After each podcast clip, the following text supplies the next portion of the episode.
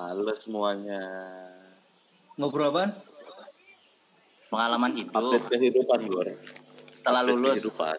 survive survive ngapain aja Gor? Hari ini bintang tamunya Wahyudin Ali. Oh iya iya. iya. Wah ngefans eta orang geus hujan. Eh, siap.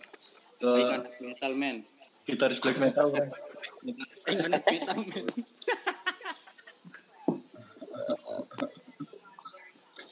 Halo, selamat malam teman-teman. Terima kasih sudah hadir di sesi hari ini. Hari ini kita eh, kedatangan Wahyudin Ali jauh-jauh dari Makassar untuk menceritakan tujuh tahunnya menjadi inspirasi Makassar ya. Wih. Begitu. Jadi hari ini juga akan tetap dipandu oleh Bapak Ahmad Hilal. Nanti terms and conditionnya akan dijelaskan oleh Bapak Ahmad Hilal. Silakan Bapak Ahmad dilanjut. Ya, oke. Langsung kita mulai. Terima kasih buat teman-teman yang udah uh, nyempetin waktunya buat ikut apa ngumpul-ngumpul lagi di sini. Sebenarnya ini nggak nggak nggak serius-serius banget, tapi em, formal-formal agak sedikit lah. Hari ini kita ada eh, Wahyudin. Nah, Wahyudin di sini itu akan ngobrol-ngobrol tentang pengalamannya setelah lulus sampai akhirnya sekarang itu kayak gimana sih setelah lulus tuh? Eh, mungkin rulesnya buat buat eh, buat ngobrol ini. Jadi selama nanti Yugel ngobrol, misalkan eh, bisa di mute dulu eh, mikrofonnya. Terus nanti kalau misalkan kalian pengen nanya di di tengah itu ada raise raise hand. Nanti ny- nyalain aja itunya. Atau enggak kalian bisa tulis di ini nih di apa? fitur chatnya. Terus nanti bisa dijawab langsung sama Yugel. Oke, eh, mungkin Yugel bisa cerita langsung eh, setelah lulus itu gimana Gel eh, prosesnya Gel sampai sekarang. 2014 ya. Saya tinggalkan Makas eh, Bandung tanggal 4 tepatnya 2014 Januari. Di situ sebenarnya keadaan kalang kabut awalnya ya. Hidup survive-nya tiga hari di Makassar, bosan, dapat ajakan saya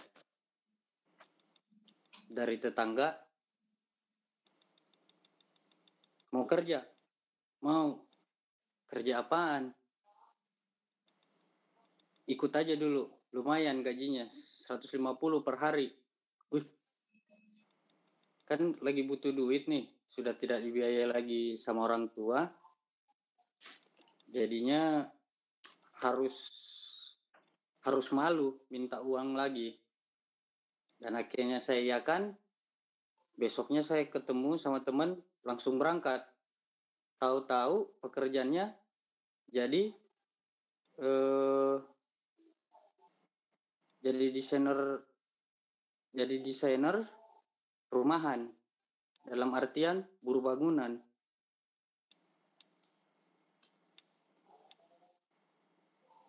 di hari satu hari kerja saya dapat pengalaman sangat-sangat sangat ber bermakna lah bagi saya. Pertama kali seumur hidup saya rasakan namanya muntah kuning. Gara-gara gara-gara disuruh angkat semen, disuruh angkat bata, disuruh angkat air, disuruh bagi-bagi makanan. Pokoknya saya jadi kuli saat itu.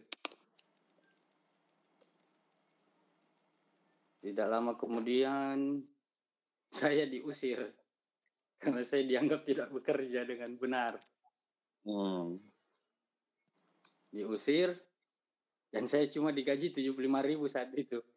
Yang harusnya 150.000 per hari, saya dikasihnya 75.000 gara-gara di tengah hari itu saya muntah kuning. Oh, dianggapnya setengah hari. Iya, setengah hari. Iya, besoknya saya berusaha lagi, ngapain lagi nih? Tidur, bangun, makan, tidur sampai bosan. Saya butuh istirahat. saya butuh istirahat saat itu. Saking bosannya itu. Saya masukin CV ke mana-mana, jadi marketing lah, jadi apalah. Belum ada, belum ada yang di approve. Hmm. Tidak lama kemudian saya duduk-duduk lagi, nongkrong lagi sama teman-teman, dapat informasi lagi. Mau kerja nggak? Mau. Pekerjaannya hampir sama seperti kemarin. Tapi jadi tukang las. Jadi tukang Hmm. las lagi. Angkat besi, angkat besi, kirain jadi binaragawan, tahu-taunya jadi, jadi tukang pasang pagar. Tidak lama kemudian bulan kedua lah, bulan kedua saya di Makassar setelah itu Hmm. eh, ada telepon dari percetakan Oke. mau kerja nggak? Iya mau kerja. Sudah interview lah saya di sana. Sampai di sana kok masih berhubungan dengan besi lagi ternyata. Wah, Iya.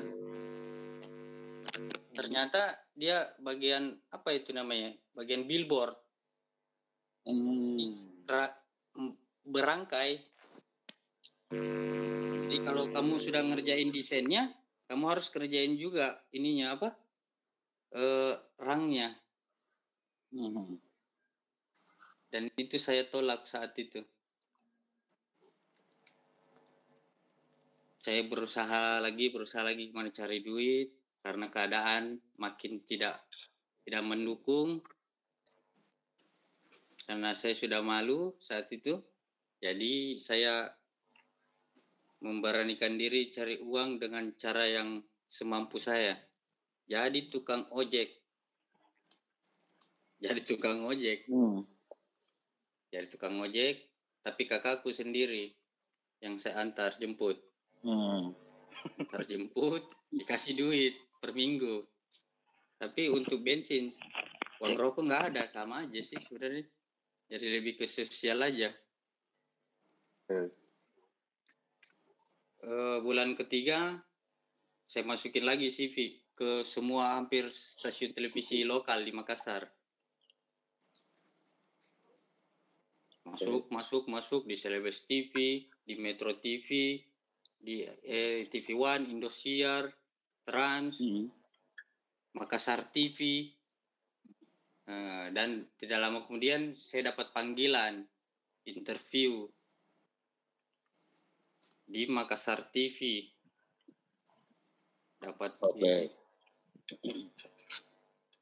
di interview di interview katanya kamu bi eh, kamu punya skill apa di situ di bidang ini apa eh, desain grafis. Ya udah ditunjukin lah saya gambar hidung lah di situ. Saya gambar hidung kok ngapain ini hidung? Iya hidung. Buat bernapas ini pak? Saya capek sebenarnya dari tadi ini. Ini komputernya parah banget. Ngelek nausubillah Hmm. saya disuruh pakai apa? Disuruh bikin poster, ya saya gambar hidup. Nah, pada ruangan dua kali satu kayak kuburan. Bingung saya. Panas lah. Dan akhirnya jadi itu hidung. Tidak lama kemudian saya di, di karena para editor-editornya ini Makassar TV istirahat dan saya diperbolehkan pakai komputer di editor di, untuk eh, preview After Effects. Nah, saya mulailah di situ. Liatin skill saya, ternyata tidak bagus-bagus juga. Tetap aja hancur. Memang saya tidak punya nyali kerja sesuatu itu tanpa teman-teman. Dan bodohnya itu perusahaan itu terima saya saat itu juga. diterima. Katanya kamu harus eh, kamu persiapkan diri tanggal 30 Maret kamu harus kerja. Sudah masuk kerja jam 9 pagi kamu harus masuk kerja.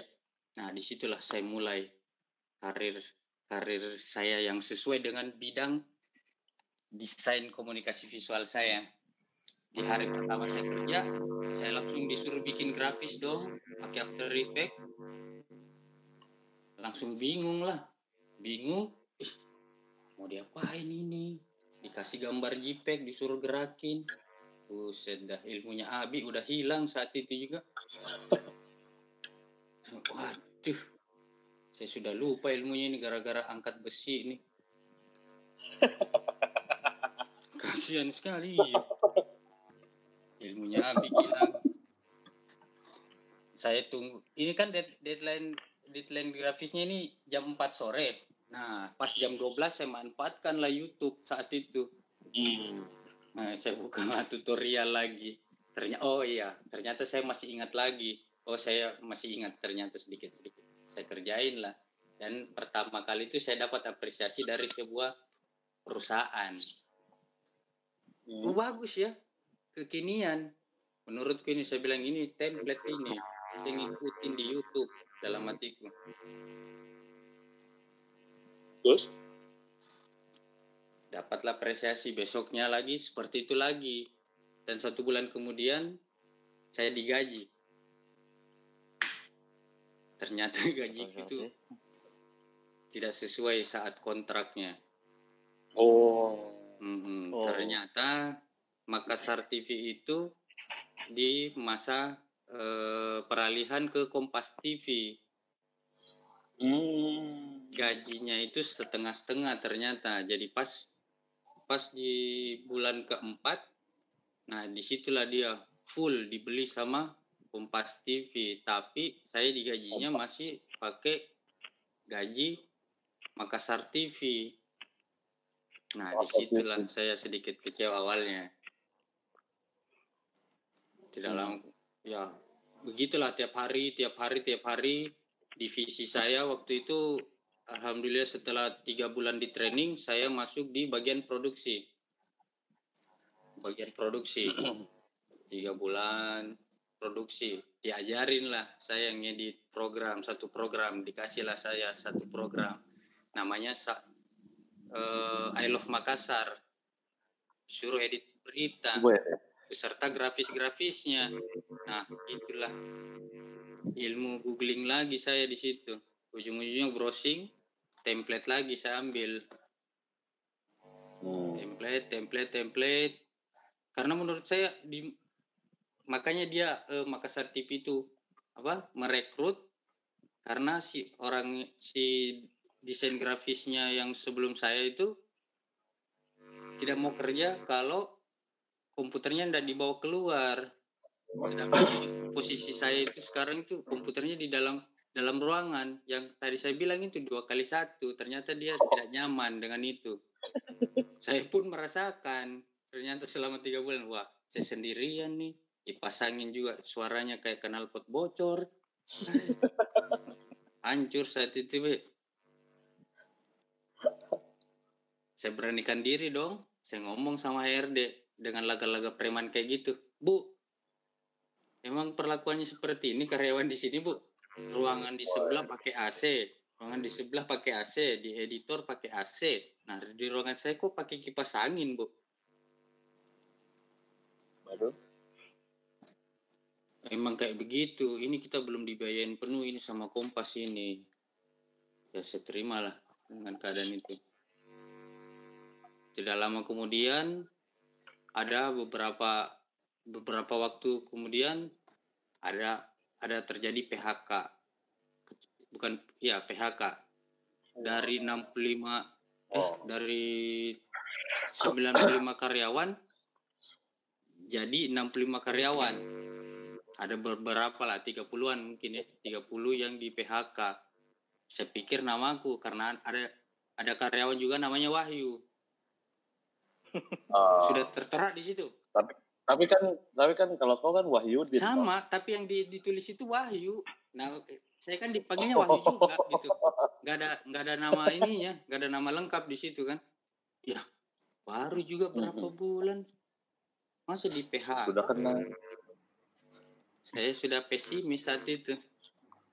Udahlah saya merokok dulu lah di depan bosku langsung. Tebal juga ya. Iya, begitu. Pusing saya. Aduh, baru berapa bulan juga ini.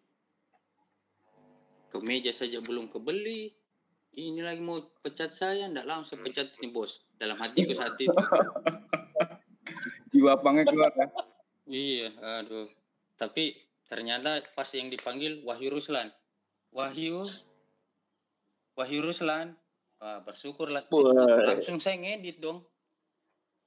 Langsung kembali saya ke ruangan ngedit berita ah, ah bodoh itu urusannya. Ternyata yang dikasih itu adalah dia dijaminkan gaji itu sekitar tujuh tahun kerja.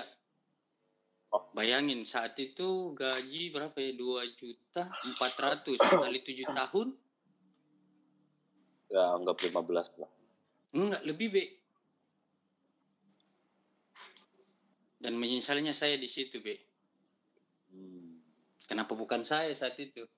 Karena saya kebetulan dipanggil. Saya kan eh, masukin juga via online di net, Ah, tapi warnet gitu.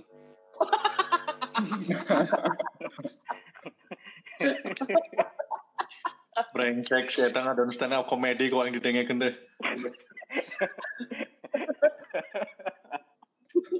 Ini dulu, saya ngerokok dulu bos. Bakar, bakar, bakar. Bakar, bakar, bakar, bakar. Benang tadi Pak. Jiwa frustasi Saya saat itu. Saya ikutin alurnya hampir setahun lah. Setahun ada perkembangan. Ternyata bagian di di industri perfil apa pertelevisian itu tidak asik menurut saya dalam satu tahun itu. Di Apa Makassar itu yang ya. saya bilang ya di Makassar kan namanya biro ya pasti fasilitasnya seadanya. Hmm. dan saya menuntut dong minta komputer yang paling high. Ala-ala.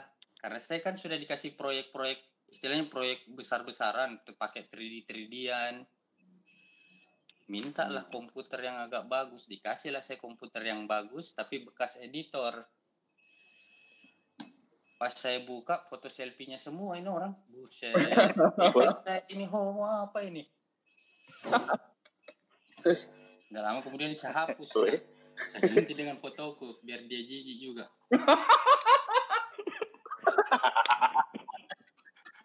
Tidak tidak tidak. Serius serius serius. Saya masukin lah fotoku. Kan dari HP ku. HP ku kan masih itu masih iPhone 11 lah saat itu ya. Jadi saya transfer transfer. Oke, oke, udah keluar duluan ya. Pakai infrared.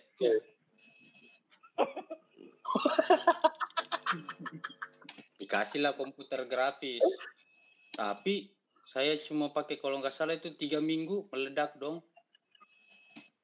Meledak gimana, Gil? Kuat. berasap PC-nya. saya cuma pakai kan saya disuruh buat logonya Kabupaten Bone saat itu kan tapi pakai 3D saya haikin dong ternyata resolusinya Oke. waktu saya render itu 19.000 saya kira 9 1980 ternyata 19.000 gimana tidak Baik. Untung tidak di tidak diaudit saat itu serius. Kalau diaudit saya dipecat langsung situ. Resolusi 19.000 ribu. Ih, saya sadar loh. Video mapping. Deh, kalah kalahin video mapping itu, Be. Serat-seratnya Lama nggak ada. kemudian komputerku diganti lagi, diganti kan. Tapi dengan masih jenis yang sama kan, pembagian komputernya itu komputer dari Jakarta itu dikasih langsung kalau nggak salah 6.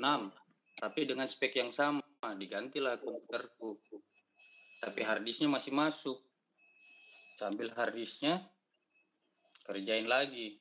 Dari situlah saya mulai dapat proyek-proyekan setelah diapresiasi dari bukan diapresiasi sih maksudnya dari humasnya sendiri dia punya link luaran lah bukan langsung ke PH-PH kayak gitu. Japrik lah. Enggak ada teman-teman. dapat SP dong. Kok dapat SP?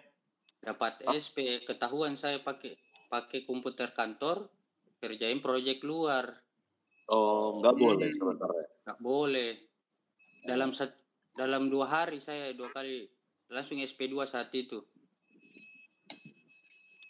Proyekku pribadi sama proyek teman ini saya kerjakan sudah hancur dua kali langsung SP2 dalam dua hari.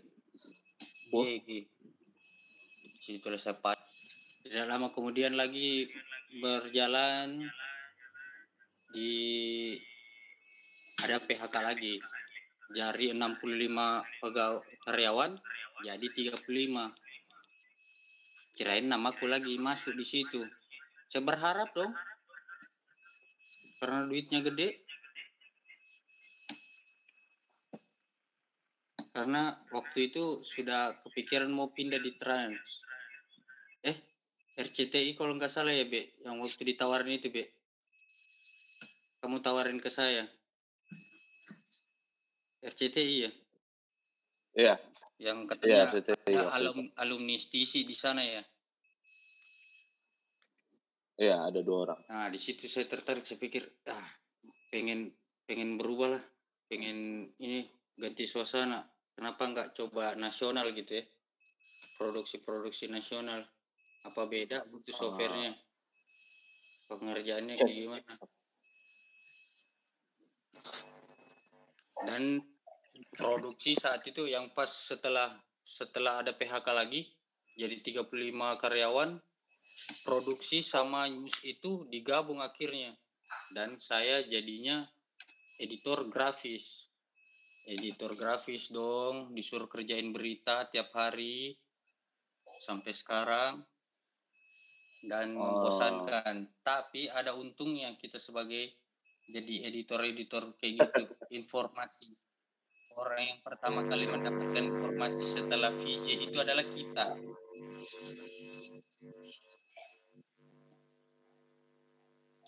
Kita tahu informasi lah secara tidak langsung kita Mm-mm. jadi orang paling betul yang dibilang Oji itu otak di sini itu orang pintar di sini ya ber- beragak ya pikir orang pintar begitu Seperti-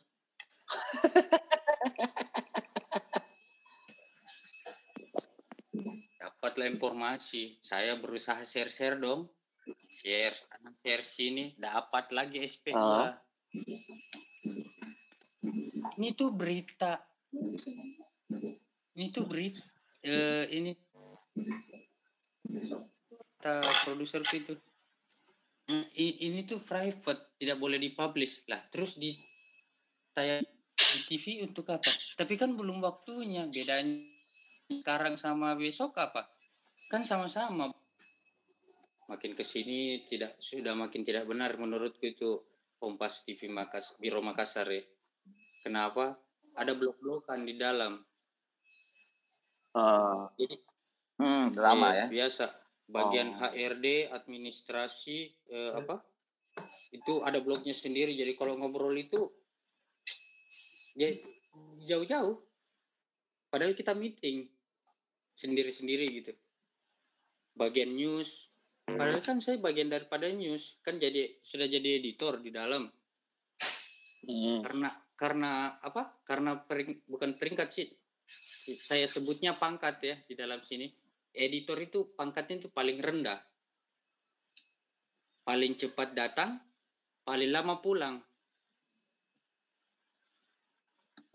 paling cepat datang bersamaan security. Pulangnya bersama security juga. Jangan-jangan saya security.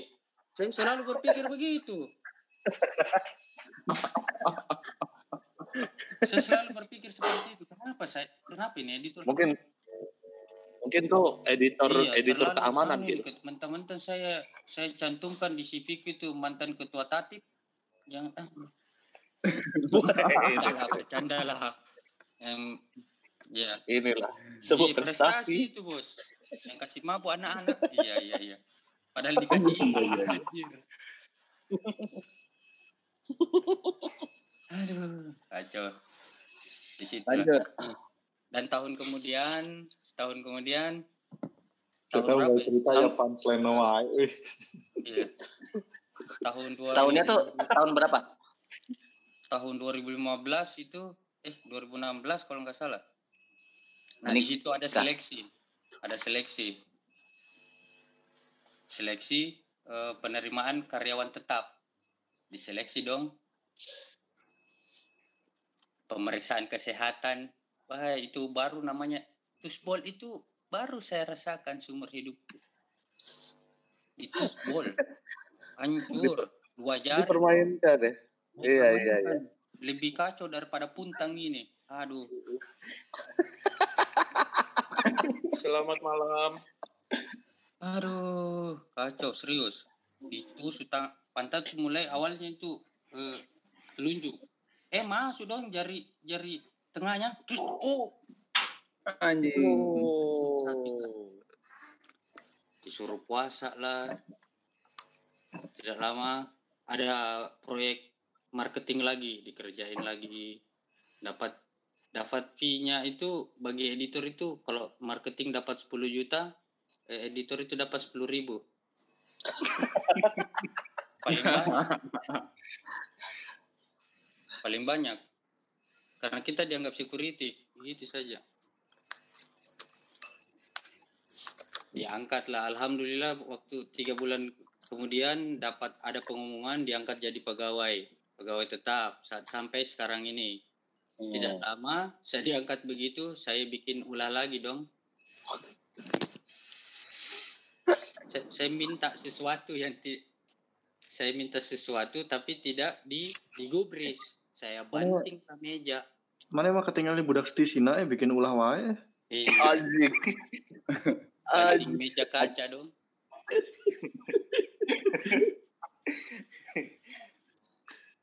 Minta apa, Gel? Minta tramadol.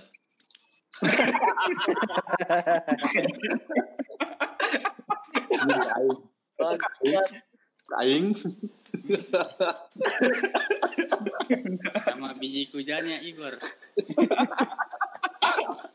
Anjir, itu itu merusak semua itu. Astagfirullah. Adakah? Eh, Iya iya iya iya. iya. Ya awal survive sebenarnya itu be- belum survive sih sebenarnya. Nah di survive eh, hidup nggak tahu sih istilah survive itu zombie kayak gimana kah? Saya anggap itu saya hidup sendiri itu benar-benar sendiri itu pas waktu orang tua saya meninggal, bapakku meninggal. Dan di situlah saya ya istilahnya langsung hilanglah sosok siapa yang saya harus carikan uang apa dan lain sebagainya gitu ya. walaupun orang tua saya masih kerja saat itu apa eh, baru selesai pensiun baru-baru Hmm. pensiun tapi kan bukan eh, prioritas saya bukan di uangnya begitu maksudnya dari supportnya Ya. saya mulai goyang lah saat itu goyang-goyangnya saya saya mulai ya begitulah saya ugal-ugalan di kompleks. Bukan di kompleks sih sebenarnya di lorong-lorong lah. Wow. udah uring-uringan saat itu.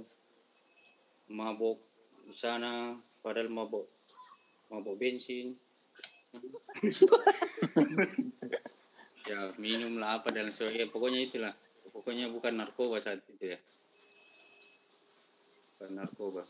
Ya saya kan lagi marak-maraknya grab ojek online di Ah. situ saya ngandalin gaji gaji dari mm, Kompas TV menurutku tidak cukup untuk tutupi semua di dalam rumahku ini secara tidak langsung kan yang buat saya yang tinggal di rumah saat ini kan tinggal saya sama kakak saya yang perempuan dan mungkin kan kakak saya yang biayain semuanya mulai dari listrik apa dan lain sebagainya Hmm. dan saya harus menyiasati dengan cara saya mendaftar Grab saat itu side job. Hmm. saya mendaftar jadi tukang ojek sambil ngedit. Eh enggak. Maksudnya sudah ngojek ngedit. Iya waktu itu gitu. Dapat dapat sampingan dapat sampingan. Lumayan lah. Sampai saya berpikir kenapa saya tidak jadikan pekerjaan utama aja ini ya grab ya? Kan saat itu bonusnya kencang banget saya Hmm. bisa bisa beli mobil saat itu mobil Tamiya Yes, sudah saya tunggu itu punchline. sedih sebenarnya sedih sekali Baru? sampai saya lupa itu namanya yang mana saya harus prioritaskan begitu pekerjaan sampai saya tidak saya sudah lupa namanya apa eh, pekerjaan pekerjaan di kantor. Kalau setelah saya ngojek berapa trip? 10 trip anggap saja saya capek ya 10 trip ah kantor ah. Kantor saya sampai lupa pegang keyboard. Yang mana keyboard yang mana mouse. Yang mana yang mana kopling. Iya, biasa saya lupa masa saya bawa kopling ke dalam ruang editor. Iya, gitu. Ngedit ngedit sampai saya ditegur sama bos saya. Yuk, yuk, eh, saya tahu situasimu, tapi kan ada prioritas. Kamu kan sudah tanda tangan kontrak dalam artian kamu kan sudah ditetapkan sebagai karyawan. Eh, apa apakah gaji gaji kamu itu tidak bisa menutupi? Dan saya cerita lah yang kayak gini situasinya. Saya harus secara tidak langsung bayar listrik juga pak. Saya harus minimal kan saya laki-laki usaha untuk menikah juga ada dong. Ya. jadi saya harus menabung juga pak itu dalam artian yang lain lah. Beras apa dan lain sebagainya harus saya penuhi untuk di rumahku. Belum lagi eh, open BO ku pak gimana Baik. Baik, open BO. iya dong. Ini yang saya suka. baik. Eh, belum. Baik, betul. lebih labingku lagi pak. Aduh. Biar miskin yang penting sombong. Begitu saya prinsip. Nah terus? Terus saya ditegur dong dapat lagi SP saya tahu saya bilang ini SP berapa sebenarnya ini. Jangan-jangan ini. Sampai S2 koleksi Iya, saya dapat SP terus ini. Saya bilang, saya, ya SP SP tapi tidak pernah SP 3 SP saja. Saya bingung. Peringatan terus. Iya peringatan terus. Tapi tidak tidak pernah dikasih hati. Aduh, sakit. Kerja kerja kerja bagai kuda. Makanlah biji kuda.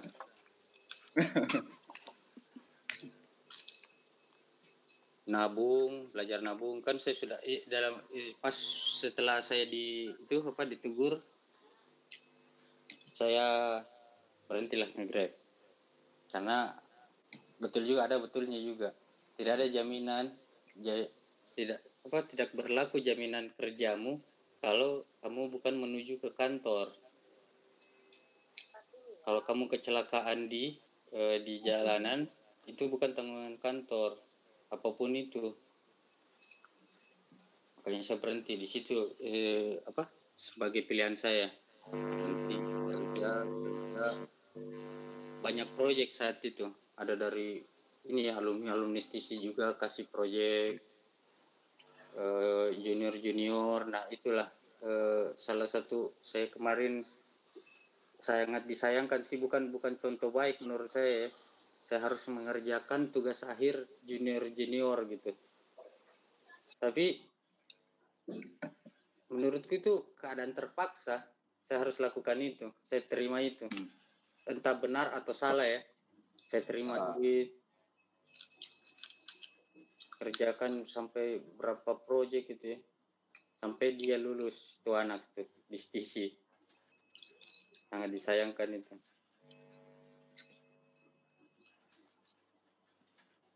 tahun berapa itu Gel dua lem Elek ini juga. kumpul-kumpul duit.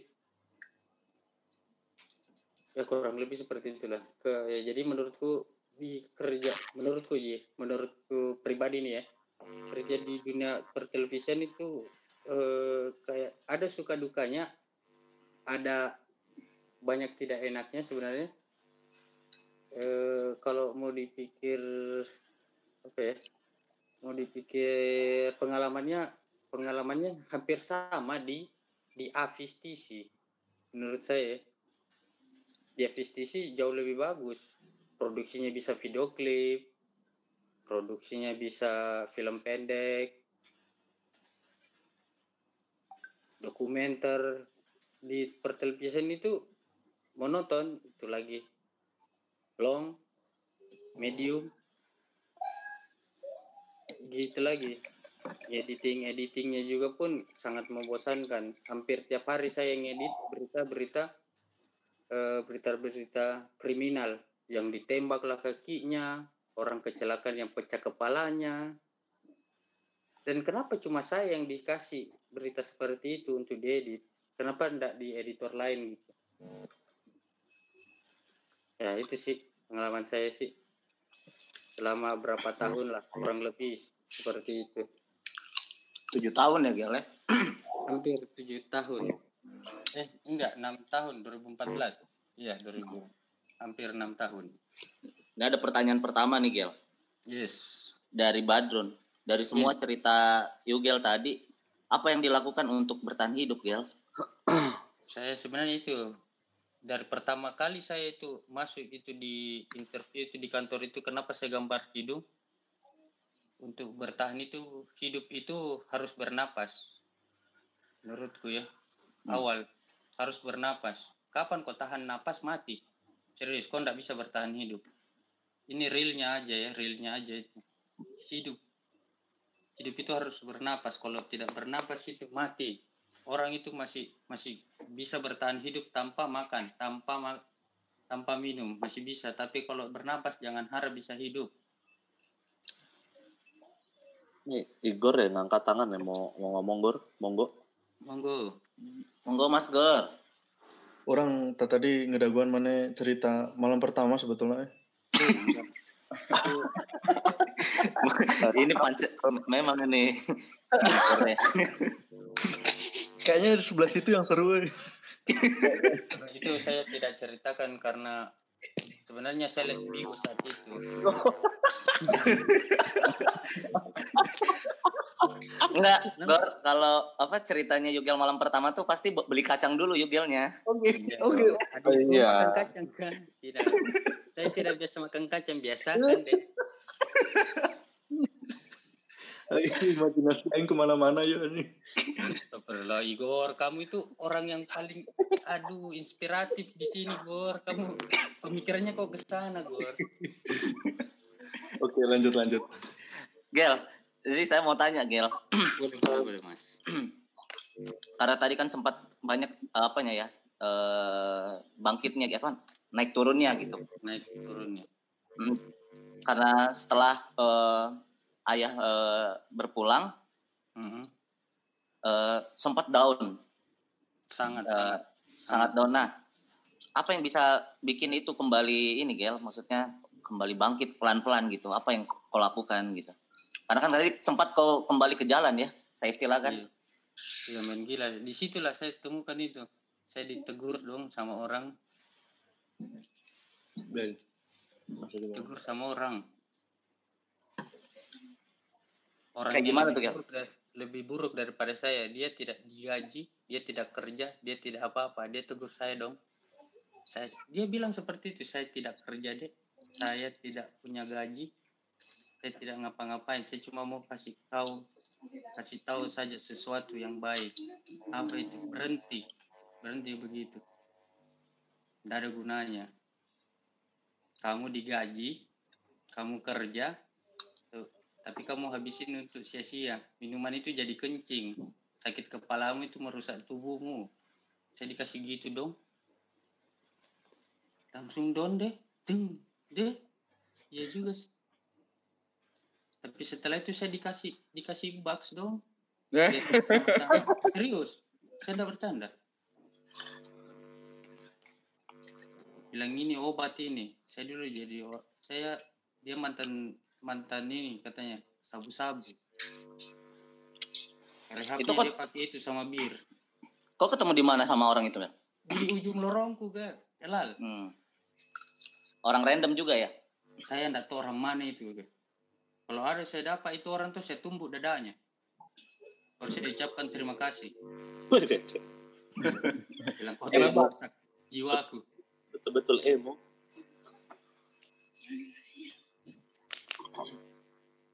Nah, karena tadi eh, kau banyak cerita tentang eh, industri khususnya TV di Makassar itu kayak tidak memfasilitasi itu kan Gel tidak memfasilitasi Ya, saya, saya kemarin tuh sempat menghilang sebenarnya kan hilang komunikasi sama tiga serangkai kan. Dalam artian itu saya Hilal Fikris, saya menghilang kan, saya ngebukin saat itu. Kenapa? Saya saya minder. Kalian S2, saya tidak. Hmm. Bahasanya kan seperti itu kemarin kan. Masing-masing kita punya keahlian, tapi kok saya tidak tidak dapat itu lagi. Saya minta restu, saya tidak dibiayai. Saya, saya minder lah, saya bilang, kok saya tidak bisa ya jadi orang yang berguna sedikit dalam artian minimal bacot lah. Saya minimal bacot, dapat S2 bisa bacot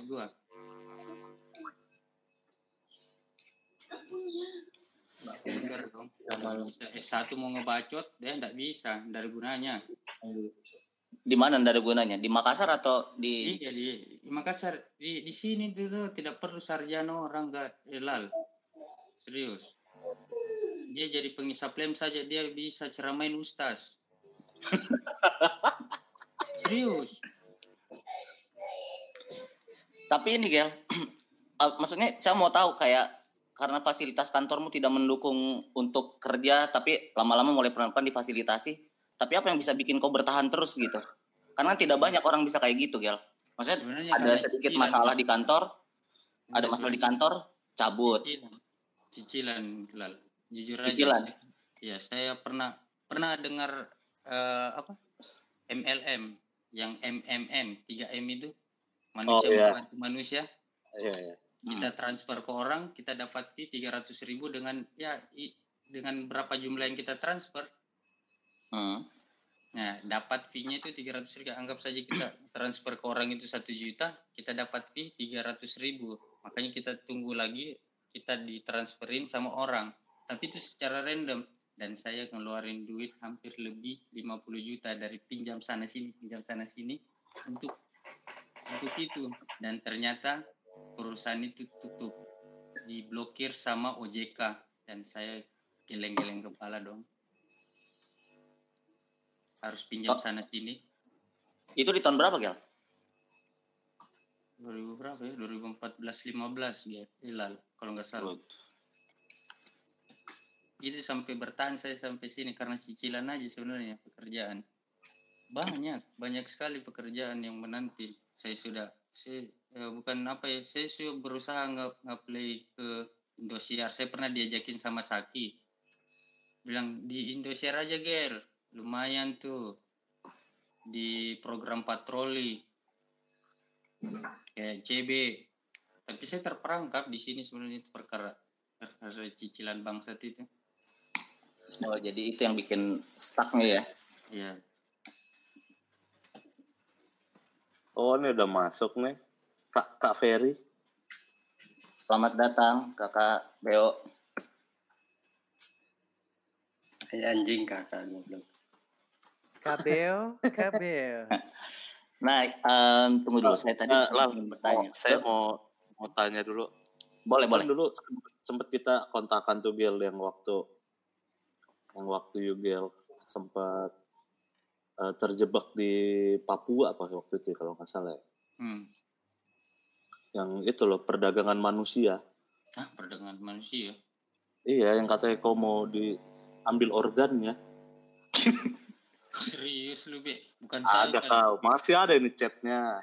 jangan sampai Yugen lagi mabok tuh ngechat lu be iya Nah, makanya saya saya mau meluruskan ini. nah saya kalau sudah ngebahas ke sana itu saya mungkin saya di di zona nyaman itu be Makanya saya sebar ke anak-anak tuh, anak-anak nggak ada yang percaya. saya sudah lupa itu be dunia Saya hitam itu lihat sedih semua baru panik. saya Juga ini gimana ini? saya sudah lupa itu oh iya saya juga pernah terjebak di eh, sa- side job ya di side job di pertengahan karir kerja di Kompas itu saya pernah ikut di IO dan di situ juga saya bablas dong banyak biaya hampir puluhan juta saya habisin di situ dan IO-nya lari dong perkara Hmm. investasi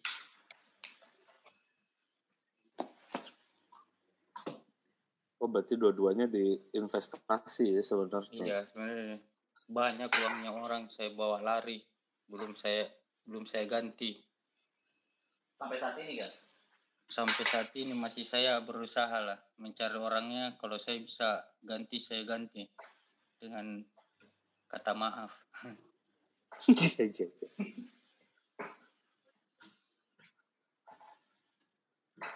Tadi mau nanya apa tuh Lal? Ya mungkin dari teman-teman kalau ada yang mau nanya boleh boleh langsung ngomong aja. Eh, Ini ada nih kayaknya. Oji tuh. Ada nggak sih sempat kepikiran untuk survive di Jakarta, Gil? Eh, kalau kalau bicara survive sih nggak survive sih. Jadinya kalau saya di sana karena keluarga aku juga ada di sana. Jadi takutnya harusnya saya di Papua memang. Ya tidak ada keluarga aku. Itu baru survive menurutku ya. Karena mau tidak mau kalau saya butuh pasti saya ke keluarga aku. Seperti itu Tapi selama ini ketika kau punya masalah, Gel, kayak cicilan, apa yang tadi dan segala macam, apa keluargamu sendiri tahu, Gel? Tidak, sebenarnya saya tidak ada sama sekali. Saya cuma saya ngandelin satu orang menurut saya itu orang tua saya itu ada di Bandung. Mungkin Hilal tahu lah siapa orang Iya, iya, iya. itu itu yang masih saya andelin. Oh, orang Nyaho ya. Ubah lah, Gil, ubah. Ada satu orang tua yang yang selalu support saya, selalu support saya, memberikan saya arahan saya ke mana harus ke mana harus ke mana. Ini langkah yang perlu support dana lah, support makanan lah, ada semua. Iya, iya, iya. Itu saya drop saat itu.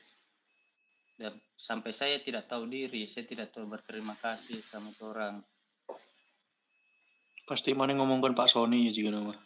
Bukan Ibu Hilda. Bu Imelda. Ini ada pertanyaan lagi, Gel. Oh, bukan sih, Semak. Sebenarnya ada, tidak ada yang menarik sih menurutku ya. Saya, saya berharapnya itu tuh yang kayak kayak eh, pembagian bukan pembagian ya sharing sharing sharing sharing pengalaman itu yang lebih orang-orang kayak kayak CB gitu ya di dunia industri fotografi Macam artis betul. beneran itu kayak bagaimana dan kalau di punya aku apa artis lokal bawa gitar dong masuk dalam studio ndak profesional lah harusnya Kan- bawa drum Kan temanya how to survive. Kalau kita Oh, iya sih. Tapi gini, Gal. Ini yang pertanyaan yang kayaknya harus harus ini ya. Kayak waktu kan kan sempat sudah menikah nih. ya Menikahi orang Makassar itu kan udah gampang, Gel, kan pakai uang panai kan. yes Nah, itu gimana, Gel, proses ke sana? Apakah apa tuh? Selain menabung, saya menabung. Sebenarnya itu saya jujur aja ya, saya saya dapetin uang hasil grab itu sampai puluh puluhan juta. Dengan motorku.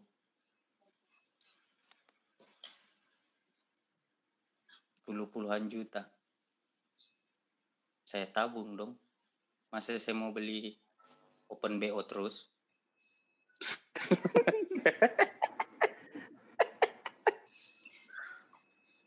Serius. Saya berpikir kayak begitu loh. Saya jadi bucin kemarin-kemarin saya ditindas sama perempuan kurang ajar. Nggak punya duit, mentang-mentang saya tukang ngojek gitu. Maksud lu?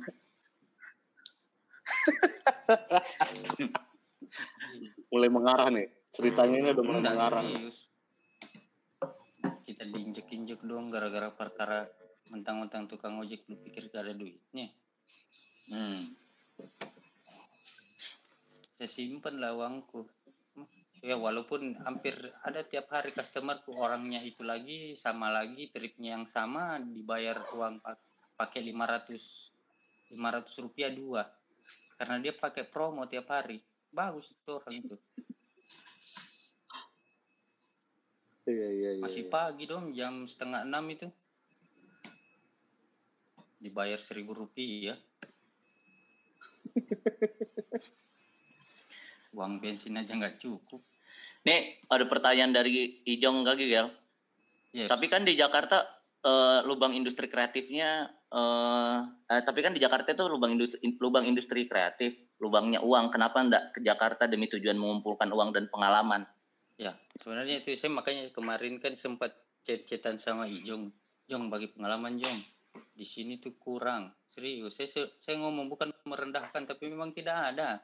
Di sini tuh modal kamera lu dapat cewek serius Oh begitu kah? iya makanya kalau kau di sini cewek ada deh kau tidur itu kasurmu itu cewek semua modal itu hilal juga pasti tahu itu Makanya dia Modusnya- sekarang pulang ya. modusnya fotografi itu di sini Iya iya iya. iya. eh apa eh modal apa apa sih istilahnya eh, ala-ala endorse kayak gitu ujung-ujungnya minta WhatsApp ini ini dan sebagainya. Hmm. Pengen sih pengen banget pemudi-pemudisan itu. Saya pengen banget itu ketemu namanya kamera-kamera profesional. Serius. Karena di Makassar tidak menunjang ke arah sana ya, Gel ya. iya di Makassar itu dia punya Jimmy Jeep. Tapi disimpan dalam gudang. Gunanya apa coba? Saya pengen belajar nih. Serius. Saya pegang 5D itu belajar pegang 5D ngikut produksi pas 2019 pertama kali saya lagi pegang kamera di situ. Hmm. dan saya parno dong bagaimana caranya ini atur shutternya saya parno saya nggak tahu. Saking tidak pernahnya di, dikasih lihat seperti itu. 5D dong. Orang Jakarta bawa Canon C C300 saya nggak tahu Oh, ya. pegang lah. Disuruh padahal cuma kamera center yang kamera ya still still aja disuruh jagain. Saya nggak tahu kasihnya lah Nah, kalau di tengah situasi yang kayak gini, Gel, kerjaanmu kayak gimana terus posisinya sekarang? Apakah work from home normal atau aja. seperti yang saya bilang tadi kita datang subuh bersamaan security pulangnya juga bersamaan security bukan Tetap security gitu sih ya? pulangnya sama anu cleaning service sebenarnya sekarang ini Nggak ada nggak ada perubahan nggak ya. ada Nggak ada work from home gitu-gitu. nggak ada tunjangan segala nggak dapat ya? Eh, saya alhamdulillah semenjak saya menikah punya anak dan akhirnya selama ini saya melihat ada tunjangan di dalam slip gaji saya untuk anak saya Alhamdulillah. Alhamdulillah ada tunjangan. Walaupun itu saya bisa cuma bisa belikan rokok saja. Kau belikan rokok buat anakmu. Iya dong. Biar saya yang pakai popok toh. Sudah gila. Dia yang merokok saya pakai popok gitu. Terus gimana Gel menurutmu eh, apa industri pertivian pada umumnya nih untuk di di sini ya?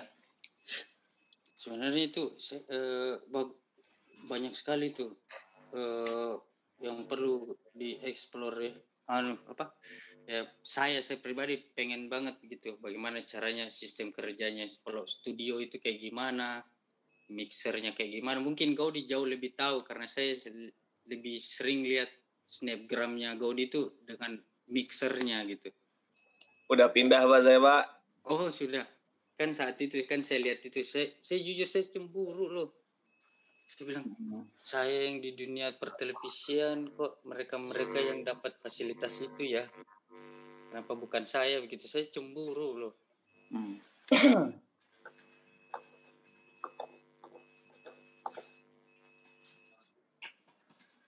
sangat disayangkan sih. Sedih sedih sedih jadinya.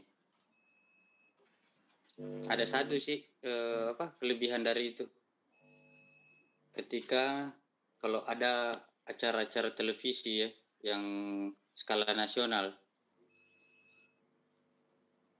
saya bisa suruh-suruh polisi dong perwira-perwira saya suruh Untuk Iya, jagain saya. Jangan pokoknya tidak boleh ada orang yang lewat ini rahasia. Tentara saya suruh dong. Perwira-perwira tentara saya suruh dong. Serius, tidak bercanda saya. Jadi saya ala-ala dikawal kayak gitu. oh karena ada wartawan. Iya. Tapi setelahnya itu saya dijambak loh. Kok kurang ajar dari tadi ya. Tetap ya. Tetap ya. Iya, tetap kayak gitu kan maksudnya eh, kerjanya sudah selesai begitu. Saya masih mau berlakukan kayak gitu sudah tidak boleh. Jam kerjanya dia udah selesai. Hancurlah saya. Memang. Tapi terlalu, terlalu nyaman. untuk ke depan nih Gel, Mhm.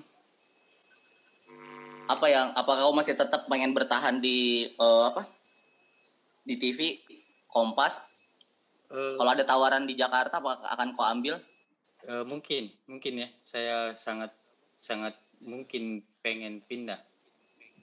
Karena saya sudah mau saya itu eh, tipikal orang yang kayak gimana di saya pernah dimotivasi sama sama Abiasa di kandang kobo ini keadaan normal. Gel, kamu itu berpotensi, Gel. Gimana kalau kamu terapin kayak gini, Gel? Kamu harus satu langkah lebih daripada temanmu.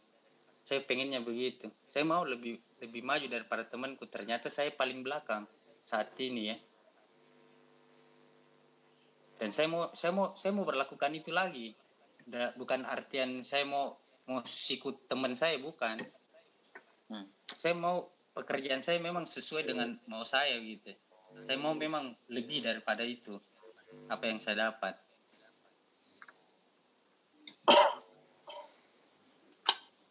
Jadi sebenarnya lebih itu sih Oke, eh, mungkin kayaknya ini udah hampir satu Oke, setengah ya. jam. Satu jam. Mungkin. Badrun Badrun mungkin Badrun. boleh ditutup dengan kesimpulan. diksikan dengan kesimpulan spiritualnya. Spiritualnya. Anjing, Badrun tukang nyen kesimpulan. Iya. Ngeri. Ngeri. Tapi Badrun nggak mau ngomong, Be. Oke. Ini nih, Badrun dari- udah nulis dari- nih. Dari Badrun nih ya. Rame ya jika nama Badrun ngejin kesimpulan rame ya. Be, bacain, kreativitas, kreativitas bukan menahan nafas, keras dan tetap ngegas. Jalan hidup selalu berlubang dan akhirnya bertemu jalan untuk pulang. Layar kaca banyak wacana, sekali lagi berjalan apa adanya. Konfirmasi intim tentang tipu daya investasi. Ya sudahlah, toh enggak masalah. Eh, apanya ndak masalah itu cicilan itu, Bro. Coba saya tutup mata langsung. Coba, coba tolong Bron, coba tolong Bron. kan, kan bikin semangat. Iya, coba saya tutup Semangat mata aja. langsung lunas serius. Cicilan harus dibayar, yang iakan penting ada semangatnya. Badrun homicide. Badrun Homicide. Thank you. Baik. Saya saya cuma butuh motivasi sebenarnya dari dari orang lagi sih, selain dari istri saya dan keluarga saya. Ya, ya, kita pasti selalu apa? Saling bantu lah. Eh, langsung ditutup aja kali Be ya. Kita langsung kita ya, lanjutkan obrolan eh, lagi. Secara rekamannya. Terima kasih buat teman-temannya udah hadir malam ini. Terima kasih banyak udah mau berkumpul malam ini mendengarkan cerita kerabat kita yang jauh di sana lama gak bertemu. Semoga banyak inspirasi yang bisa kita dapat hari ini dan manfaat buat kita semua. Semoga Terima kasih banyak semuanya. Thank you. Thank you. Thank you. you.